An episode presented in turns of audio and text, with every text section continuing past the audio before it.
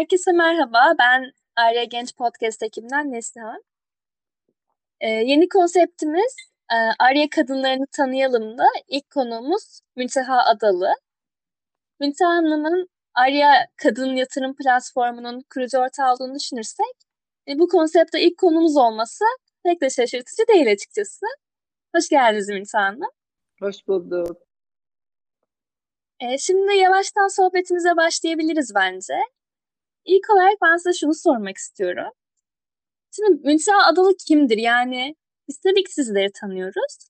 Ama hani hikayenizi bir de sizden dinlemek isterim. Yani siz Münteha Adalı'yı nasıl anlatırsınız? Bunu merak ediyorum.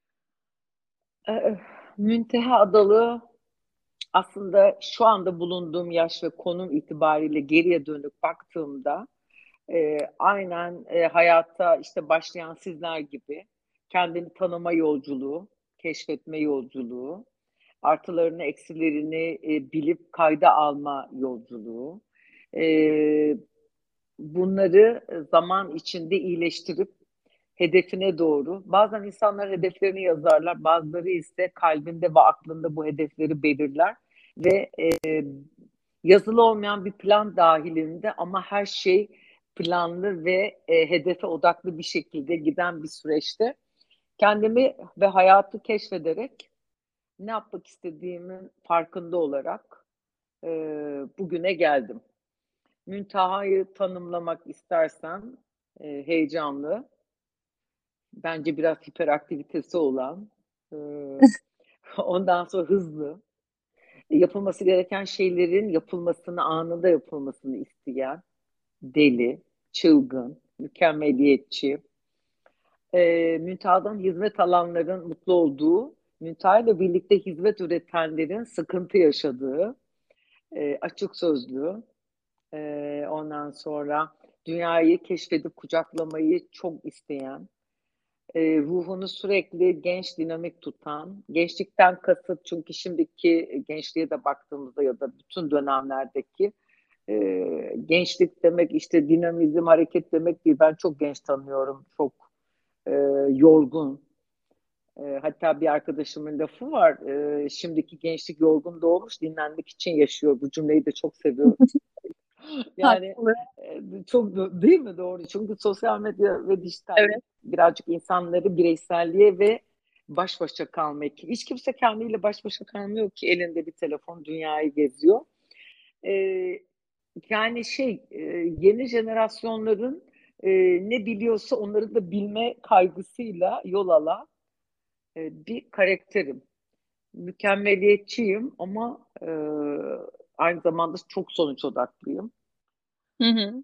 Yani birisinin herhalde birlikte çalışmak isteyeceği yani müşteri olarak ya da ben kurumsalda çalışırken neden beni çok sevdiklerini kendi girişimciliğimde anladım.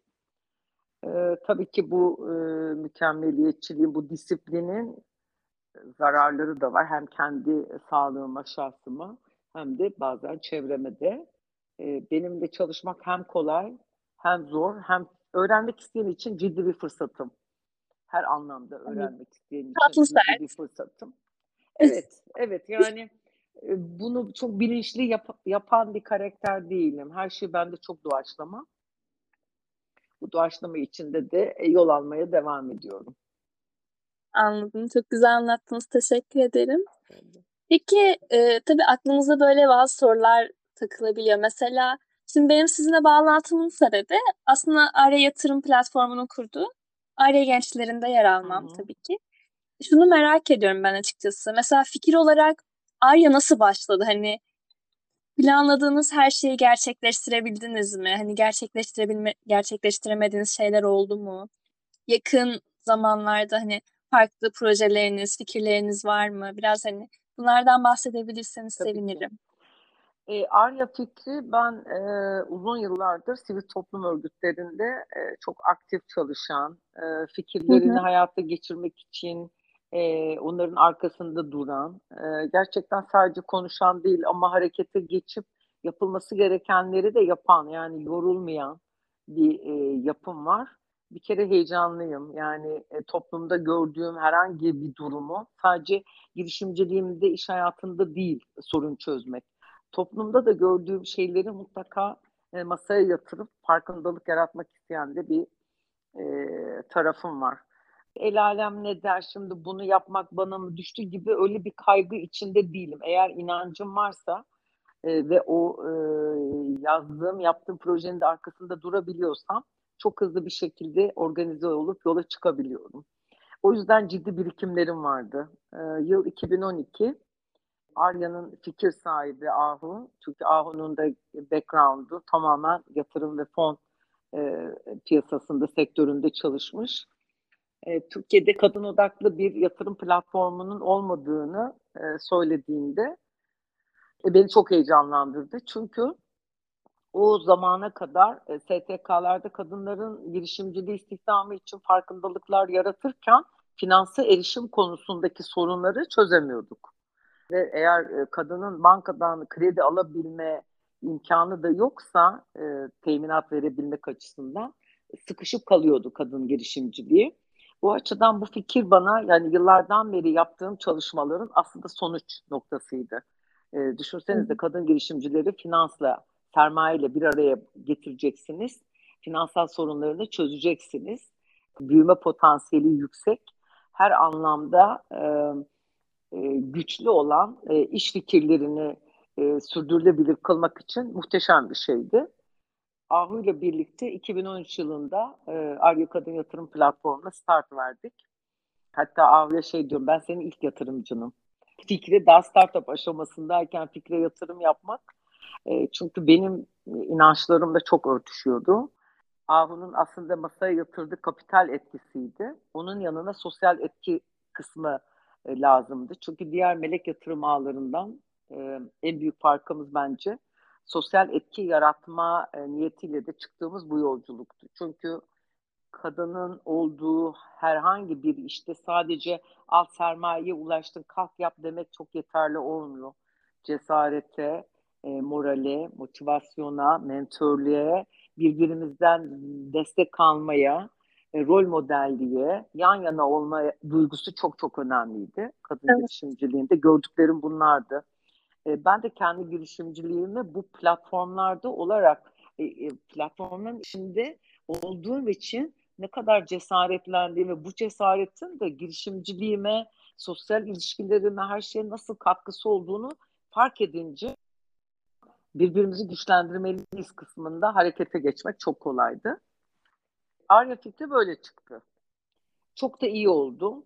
Gerçekten evet. Türkiye'nin ilk kadın e, yatırım odaklı platformuyuz. Tabii bizden sonra e, bu sayı e, artsın, artmasının da yanındayız, destekçisiyiz. Ve biz bu piyasada bütün paydaşlarla, melek yatırım ağlarıyla, fonlarıyla da paydaşlık yaparak, paslaşarak. Çünkü önemli olan kadın şirketlerinin finansal erişimdeki sorununu çözmek. Arya'dan çıkmıyorsa bütün bu e, sektördeki bütün paydaşlarla bir araya gelip e, o girişimcinin istediği yatırımı da tamamlamasına aracılık ediyoruz. Sadece kadın girişimciliğinin değil, aynı zamanda yatırımcılığın da misyonerliğini yapıyoruz. Çünkü yeni bir kavram, farkındalık belli bir kesimin e, alanına giriyordu. Bunu toplumun her kesimine yaymak, sermaye sahibi herkesi buraya yatırımcı olarak çekmek e, tabii ki ekonomik açıdan müthiş bir değer yaratıyorsunuz. İleride farklı proje fikirleriniz var mı diye bir de merak etmiştim ben. Benim girişimciliğimin e, en önemli özelliği ben sadece e, para kazanmak için iş yapmıyorum. Onu donatacak e, bu toplumdaki farkındalık projeleriyle birlikte iş yapmayı seviyorum. Çünkü sadece evet. iş yapmak beni öldürüyor. Çünkü bu değişen piyasa koşulları, dünya gündemi, ülke gündemi o kadar sizi mutsuz ediyor ki ben bütün mutsuzluklarımı bu tarz projelerle e, daha farklı hale getiriyorum. Hiç mutsuz olmuyorum. Hiç kaygılarımı yönetemez hale gelmiyorum. Bir yerden beslenemiyorsam, bir yerden kolum kanadım kırılıyorsa başka bir yerden besleniyorum. Bu da beni Anladım. enerjik ve güçlü kılıyor. Ee, şimdi Social Factory diye bir marka yaratmıştım kendi işimde. Sosyal hı hı. Fabrika diye. E, Atatürk'ün bir söyleminden ilham aldığım bir proje. Bugüne kadar e, toplumsal e, sorunlara yönelik yazdığım tüm projeleri de bunun altında çatı bir marka oluşturduk.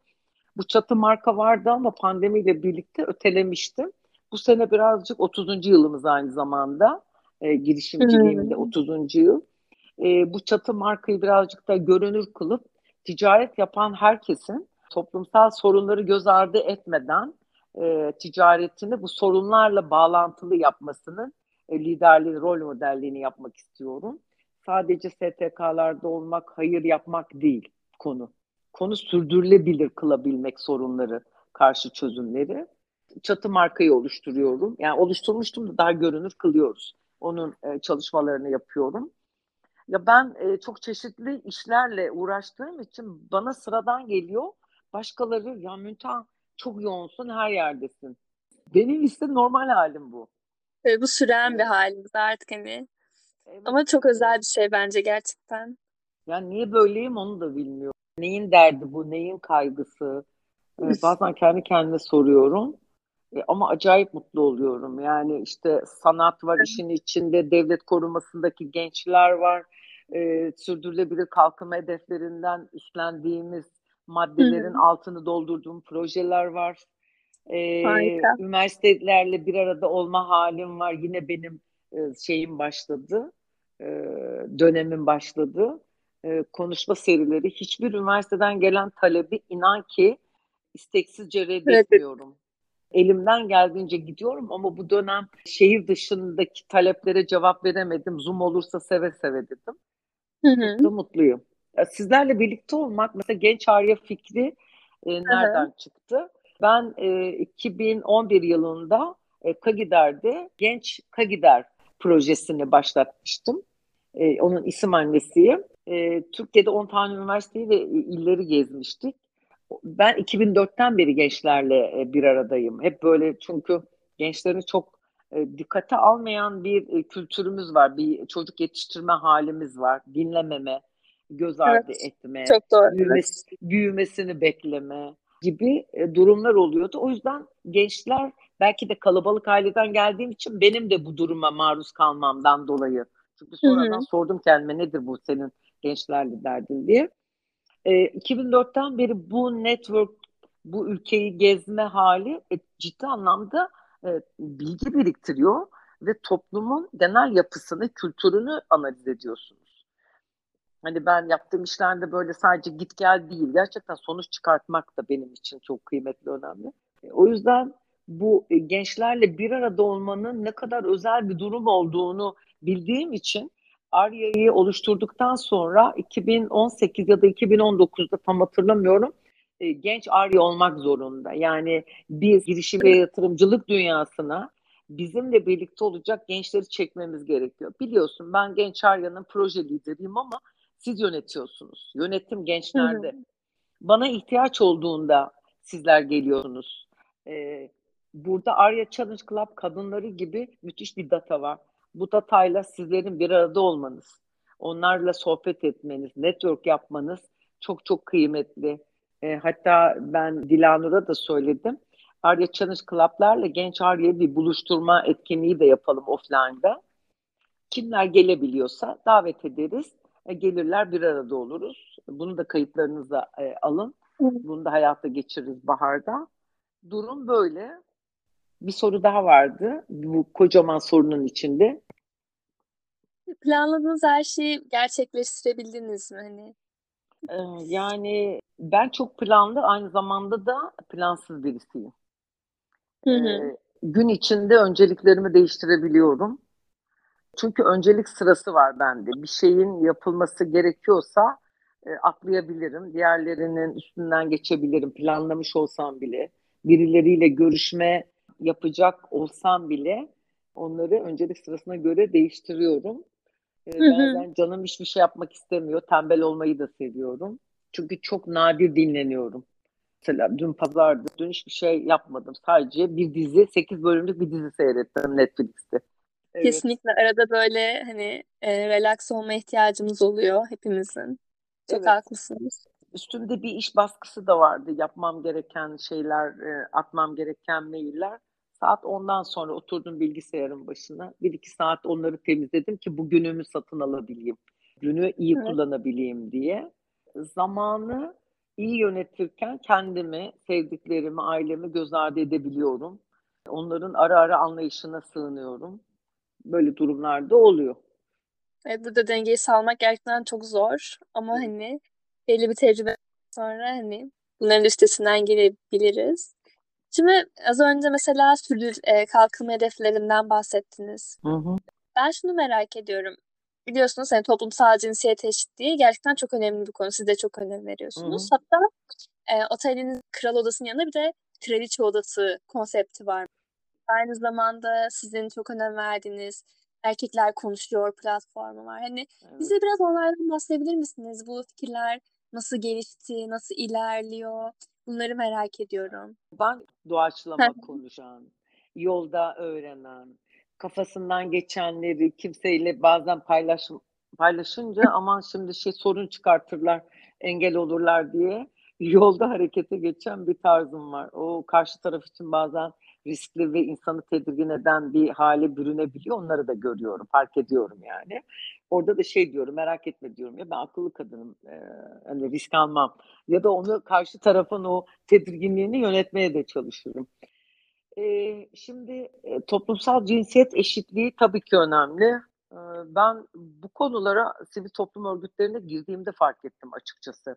Yani kadın hı. olduğum için başıma ne geliyor, erkeklerin başına bu geliyor kısmında sıfır sorgulama. Çünkü kabulümüz böyle gelişti.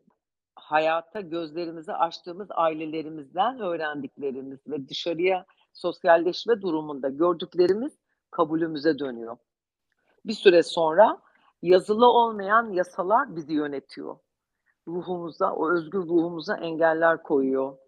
Bizi bizden alıyor. Sevdiklerimizle, eee, düşman oluyoruz. Hiç tanımadığımız Bazı şeyler birileri kanıksanıyor, evet. Aynen. Hiç tanımadığımız insanların baskısını, tacizini sessiz kalıyoruz. Binlerce şey var. Eee, İstanbul'daki yaşantımda bunları sosyal sor şeyde STK'larda bunları çok konuşulunca ya bir dakika ne olmuştu diye kendimi sorguladığımda benim kabul ettiğim şey aslında toplumun, ailemin bana öğrettikleri ve dayattıklarıydı. Hı hı. Eee, şimdi bunu fark ettiğiniz anda, emm, isyanınızı çok iyi yönetmeniz gerekiyor. Çünkü sizin savaşacağınız kesim çok kalabalık ve çok Evet. baskın ve çok güçlü. Azınlıkların çoğunluğu iyileştirme gibi bir gücü var ama azınlığın bu gücü nasıl kullanılacağı da çok önemli. Anlatabiliyor muyum yani? Azınlık su duvardaki çatlaklardan su sızıntısı gibidir. İyi sızarsa, akıllıca kendine yer edinirse farkında olmadan o büyük çoğunluk değişiyor. Ama sizin bu savaşmayı, savaşmak dediğim akıl oyunlarından bahsediyorum. Bunu nasıl yaptığınız çok çok önemli. Karşı tarafı tedirgin ederseniz direkt sizi yok ederler. Karşı tarafı tedirgin etmeden. Bu projeleri de o niyetle aslında, eee, yapıyorum. E, şimdi, eee, kalabalık bir ailede 6 kız 2 erkek, işte toplumda erkek, İstanbul'da erkek, Batı'da erkek durumuna baktığında, eee, biz kadınların, eee, o kadar biat kültürü gelişmiş ki sorgulamamışız bile. İsyan edenler de zaten yok edilmiş içimizde. Fark etmemişiz bile isyanlarını. Öyle değil Hı mi? hı. Susturulmuşlar. Maalesef. E, o yüzden bu Erkekler Konuşuyor projesini, eee, yazarken sorunun sorun sadece kadın sorunu değil. Sorunun bu diğer parçası erkekler neden harekete geçmiyor? Neden huzursuz değiller? Neden vicdanları ve akıllarıyla sorgulamıyorlar bunu? Neden bir başkasının meselesi gibi bakıyorlar durumunu seyrettiğimde o zaman dedim hı. Erkekler Konuşuyor diye bir proje yazayım. Ama ve herkes şunu dedi, sanki erkekler konuşuyor konuşmuyor da sen böyle bir şey dedin. Şimdi insanlar o kadar düz konulara alışmış ki ters köşe yapmayı unutmuş bu toplum. Ben ise tersten bakmayı, ters köşe yapmayı seviyorum. Çünkü bu da bir azınlık hareketidir. İşte Evet. siz kalkın bilmem parmak sallayarak bunu niye yapayım ki? Çünkü kadına yapılan buydu parmak sallamak.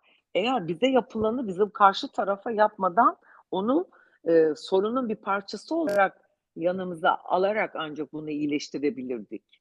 O yüzden erkeklere şu soruyu soruyoruz. Kültürün, cinsiyetçi kodlamaların siz erkekler üzerindeki baskılarının farkında mısınız? Size de çok şey yapılıyor. Bu sadece bir kadın meselesi değil. Erkek olmak çok ağır. Erkek olmak, toplumda var olmak, erkeğin gücü kullanma şekli, paradan aldıkları güç gibi gibi binlerce şey var. Şimdi bu durumu nasıl yöneteceğiz? Tamam yanımıza alarak. Proje böyle Her şey iletişim kurarak. Evet. Çok ses getirip getirmemesi çok derdim olmadı. Yani çok PR'ına hiç zaman da ayırmadım, para da ayırmadım. Sosyal medyadan ve gençlerle. Ben ne yapıyorsam gençlerle birlikte yapıyorum. O açıdan keyifli gidiyor. Burada e, işte 2018'de başladık. 4 senemiz bitiyor. 4 senenin sonunda ne çıktı? Sonuç e, bizi bir kadın yetiştiriyor. Kadınlar suçlu. Evet çocukları anne yetiştiriyor. O zaman kadının eğitim, ekonomik ve sosyal anlamda eşitlikten faydalanması için erkek engeli olmamalı toplumda. Sonuç eğer buysa bunun karşılığında da çözüm bu. Kadınlar evet. eğitim almalı, hayatın her alanında olmalı, cesaretlendirilmeli. Yani anne babaların o çocukları yetiştirirken cesaretlendirmeli. Güçlü kadınların erkekleriyle, kocalarıyla çocukları için savaşmaması gerekiyor. Birbirini alt etmemesi gerekiyor. O çocuğun bir de babası var. Hayatta o çocuğun var olmasını istiyorsa bu babanın da görevi. Başka bir soruya geçebilirim ben. Hı. Mesela şimdi siz yıllardır girişimlerin hem içinde hem de yatırımcı olarak destek veriyorsunuz. Şunu mesela çok merak ediyorum. Yıllar içerisinde mesela gözlemlerinizle bir girişim size geldiği zaman bu girişim ilerleyecek mi? Anlayabiliyor musunuz direkt geldiği zaman? Yatırım yapacağınız girişimde nelere dikkat ediyorsunuz? Kriterleriniz neler? Bunları merak ediyorum.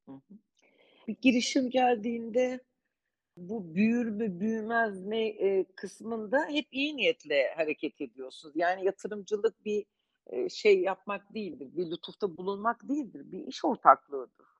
Yani orada girişimciye lütufta bulunma hali değil. Siz o girişimindeki fırsatları görüyorsunuz. O fırsatları hı hı. girişimcinin lehine çevirirken kendi lehinize de çevirme hareketi aslında. Doğru değil mi? Kesinlikle. Yani o kazanacak, sen de kazanacaksın. Yani kimse Aynen. parasını e, boş yere harcamak istemez, istemiyor da. O yüzden de Arya Kadın Yatırım Platformu'nda biz girişimleri seçerken yatırımcı önüne çıkabilecek bu e, hani yatırımda nereye dikkat ediyorsun sorunda var ya bunun içinde. Fikrine bakıyorsun, fikrin bu fikrin yerelde ve globalde büyüme durumlarını gözden geçiriyorsun, takımına bakıyorsun, e, girişimcinin e, şirketine olan aşkı, tutkusu, niyeti o kadar çok önemli ki. Yani ben kendi şirketimi nasıl ayakta tutmak için tüm kriterlerine, noktalarına bakıyorsam yatırım yaptığım şirketlerde de aynı şeye bakıyorum. Yani tecrübeli girişimci olarak 30. yılımlarken 2022'de neler yaptıysam bu kadar engele, bu kadar krize, bu kadar e, olumlu ve olumsuz durumlara rağmen fırsatları görerek bugüne geldiysek yatırım yaptığımız girişimlerde de tüm kriterleri gözden geçiriyoruz. Hedefimiz ve niyetimiz o girişim sürdürülebilir olsun. Ben de yatırdığımı yani hiç belki kalem sallamadan ama finansal paylaşımla ihtiyacı varsa aldığı networkle bizlerden mentorluk değildir. Her sohbet aslında mentorluk. Şu anda yaptığımız sohbetler de mentorluk. Alana, dinleyene, bundan kendi gerçeklerine göre sonuç çıkartana göre bu sohbetler de bir mentorluk. Değerli çünkü. Yani niyetim yaptığım tüm yatırımlar çok başarılı olsun. Benim oradaki kriterim de o ya şey diyorum benim yaptığım yatırımların başarısı aslında benim başarım.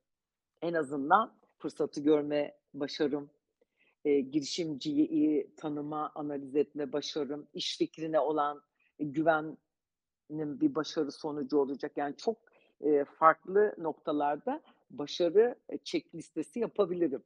Ha diyelim ki yatırım yaptığım girişim başarılı olmadı. Bu da bir başarısızlık değil. Burada da bir öğrenme var. Yani benim başarısızlık Kesinlikle. tanımı eşittir karşısında öğrenme varsa muhteşem bir şey. Çünkü Evet. okullara da gittik, dershanelere de gittik, para verdik ama öğrenemeden çıktığımız çok şey oldu. Burada ise öğrenme var. Yani, eee, müthiş bir şey bence.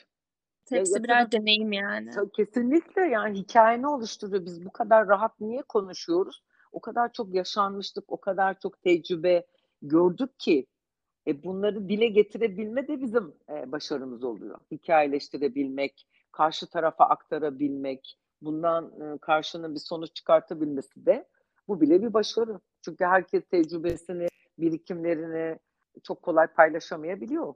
Niyetsizliğinden değil, bunu yapma hâli de çok önemli. Bu da bir niyet çünkü. Yani istiyor, yapma yapamıyorsa bu bir tecrübeyle de oluşan bir şey. Çok konuştukça açılıyorsunuz, kitap gibi. Şimdi ben şeyi merak ediyorum. Bir bankada çalışmışsınız 9 yıl gibi bir süre.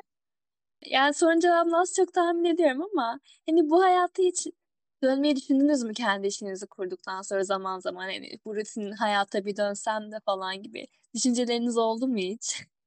Hiç olmadı çünkü migren ağrısı, reflü sahibi olmuştum genç yaşta. Yine o oradaki o bu, ııı, rahatsızlıklara sahip olmak hepsi stres kaynaklıydı. Yine benim kendimde oluşturduğum stresti. O başarılı olma, düzgün iş yapma gibi gibi. Çünkü ben her yaptığımız işte kendimize hizmet ettiğimiz bilinciyle hareket ediyorum. Ya, benim yaptığım işler beni temsil edecek. Bir başkasının şirketinde çalışayım, istersem kendi işimde. Hepsi benim. Ben hiçbir zaman, eee, çalıştığım kurumda ben patrona çalışıyorum, şu kuruma çalışıyorum demedim. Kendime Hı hı. yapabileceğim en büyük saygısızlıktır o. Yani o genç yaşımda hiç aklıma bile gelmedi. Ya, ben bunlara çalışıyorum da bunlara çok para kazandırıyorum da, işte, hakkımı vermiyorlar da. Doğru bir şey değil bu. Kiş kişinin kendine olan saygısı bu şekilde dile gelmez. Ben istediğim için öyle çalışıyorum. Çünkü ürettiklerim kadar varım, yarattığım kadar varım. Ben şöyleyim, Kesinlikle, böyleyim desem evet. havada kalır Neslihan. Ben iyiyim, ben şuyum, ben buyum. E, millet sorar size yaptıkların nerede? O yüzden Kesinlikle. her yaptığım geleceğe iz bırakma hareketi. Yani bu sohbet, bu ses kaydı bile kaybolmayacak, değil mi? Eee, kişiler bence bunu çok göz ardı ediyor. Niye bankaya döneyim? Oradaki çalışma saatlerinin ağırlığı beni hasta ediyordu ve inisiyatif verirken inisiyatif kullanmama durumu. Yani çok çelişkilerle dolu. Hem yetkinlik istiyorlar hem de kurallarla seni bağlıyorlar. Ateşten gömlek girişimcilik ama, eee, o gömlek sizi canlı tutuyor. Evet, çok haklısınız bence. Çok vazgeçme dediğim çok zamanlar oluyor. Sinirleniyorum, ediyorum ama dönüyorum, başka bir işe atıyorum. Mesela bir konuda strese giriyorsam, sinirleniyorsam başka bir işle uğraşıyorum hemen. Onu bırakıyorum, sonra dönüyorum. Peki, hani, kendi işinizi yapmak çok güzel bir şey. Hani, her şey sizin eseriniz ama mesela en zor noktalar neler? Mesela Güvensa'nın 30. yılı oldu bu sene. Hani, burada mesela nelerde zorlandınız? Bir diğer sorum da hizmet sektöründe temizliği seçme sebebiniz neydi? Ya, şey, hizmet sektörü 92 yılında, eee, İstanbul 90'lı yıllardan sonra İstanbul'un büyümesi, e, Türkiye'nin aslında değişimi, e, İstanbul'un köklü değişimi, eee, tabii yapılaşma çirkin olsa da ciddi bir değişim içindeydi. İnsanlar, eee, işte, binaları, plazalarının camlı olması, taş granitlerle kaplı olması müthiş bir zenginlik göstergesiydi. Yani, eee, aslında temizlik açısından da, eee, çok büyük baş belalarıydı. Çünkü bu işleri yapmak için, eee, farklı ekipmanlara, farklı yatırımlara, insan gücüne ihtiyaçlar vardı. Şimdi değişen koşullar nedeniyle hizmet sektörü boş kalmış, başıboş bırakılmış, göz ardı edilmiş. Aman ne var ki altı üstü temizlik değil mi denmiş. Bu sektörde çalışan insanlara çok insan gibi değil, ya onlardan çok var, nasıl olsa birini buluruz, yaptırırız. İş güvenliği, yasal mevzuat, o kadar çok konu göz ardı edilmiş ki, bu kadar göz ardı edilmişlerin üzerine yeni bir vizyonla, yeni bir bakış açısıyla bir şirket kurmak çok keyifli ve zevkliydi. Bir de bilmediğiniz bir sektör. Şimdi ben bankada dış ticarette ikinci müdürken ayrılıyorum. Bu sektörün başına geçiyorum. Bu şirketin başına geçiyorum. Bilmediğim insan kaynağı, bilmediğim müşteri tipi, müşterinin ne istediğini bilmiyorum. Acayip kaotik. Bu kaos aslında insanı canlı tutuyor. O yüzden e, yıllar sonra şöyle bir cümle yazdım. Bilmediklerinizin peşinden koşun. Çünkü bilmedikleriniz yeni hikayeleriniz olacaktır diye. E, güzel bir e, şey, aslında iyi bir insanı iyi motive ediyor bu. Çünkü bildiğiniz şeyde e, şimdi bana deseniz kalk bir hizmet firması kur kurmam. Mümkün değil. E, böyle bir durumda e, doğal olarak yapmam gereken e, bu boşlukları fırsata çevirmekti. Hem insan kaynağı açısından hem müşteri hem de değişen koşullar nedeniyle rakiplerin e, beni zorlamayacağını düşündüm. Çünkü çok boşluklar yaratmışlardı. Çok negatiflikler vardı. Halen piyasada o yılların e, firmalarının bıraktığı izler hüküm sürüyor. Yani e, de, 2000, yıl 2022 halen bizim gibi firmalara güven yok. Halen bizim gibi firmaların yönetilme ihtiyacı var. E, bilmeyen gibi algılıyor müşteri ve korkuyor. Problem yaşatacak yasal mevzuat açısından diye. Bu da bir fırsattı. Gelinen noktada başarılı olmamızın en önemli sebebi hem sektördeki boşlukları görmek, yaratılan negatif duyguları pozitife çevirmek ve o benim ilk başlangıçta saydığım çılgınca özelliklerin işe aktarımındaki e, faydalarıydı. O yüzden bu yıla kadar gelebildik. Ana sloganımız da yerel firma olmanın gücüyle hizmet üretimi. Hem yerelin altını çiziyoruz hem bu hı hı. sektörde bu işi bir felsefeye dayandırarak satıyoruz. Klasik biz bal dök yala yaparız demiyoruz. Başka şeyler anlatarak e, bu soyut hizmeti somuta çeviriyoruz. İnsan kaynağı açısından da yapılması gereken çok şeyler var. O yüzden de bu sektör için Mavi Yaka Hikayeleri diye bir proje yazdım. İki yakamızı bir araya getirdik. Beyaz yaka ve mavi yakanın birbirleri üzerindeki algıları ve sınıfsal, Hı, harika. E, sınıfsal farklılıkların e, giderilmesi için yazdığım bir proje. Çok önemli bir durum halen evet. acı çekiyoruz. Yani müşteri sizden çok şey istiyor ama az kazanmanızı istiyor. Varlığınızın devamlılığı için bir, bir şirketsiniz, vergi veriyorsunuz. Ne yapacağınız çok net ee, ama halen bu konularda sektör olarak hak ettiğimiz yerde değiliz. O değeri de göremiyoruz. Bizi seviyorlar, takdir ediyorlar, iş veriyorlar. Hı hı. Çok sağ olsunlar. Ama e, bu sektörün olması gereken niteliğe bürünmesi için e, kazanmamıza çok razı değil kimse. Öyle görüyorum. Anladım. İki yakamızı bir araya getirdik. Çok güzelmiş bu arada. Çok sevdim. Şimdi son olarak da kapatmadan önce bu kadar yıllık deneyiminize baktığınız zaman mesela bizim gibi 20'li yaşlarındaki gençlere ne önerilerde bulunurdunuz? Mesela şu an 18 yaşına döndünüz diyelim. Ne okurdunuz? Hangi platformlarda yer alırdınız? Neler yapardınız? Bunlardan biraz bahsedebilir misiniz? Hiç biz yaşa geri dönemem. Onun da acısını çekemem. Ee, her şey olması gerektiği gibi olmuştur. Kendi yaşam koşullarımda, aile yapısında, bulunduğum çevre, koşullar neyi gerektirdiyse e, ol, olması gereken sonuç burası. Yani ben çok farklı yollardan da geçseydim yine buraya gelecekti herhalde sonuç ya da daha farklı yerleri de tabii ki giderdi. Ama işte benim e, 30'lu yaşların sonunda başladığım bu sivil toplum hareketine daha genç yaşlarda, daha erken yaşlarda Hı-hı. girmiş olsaydım bugünkü müntahadan çok farklı bir müntaha olabilirdi.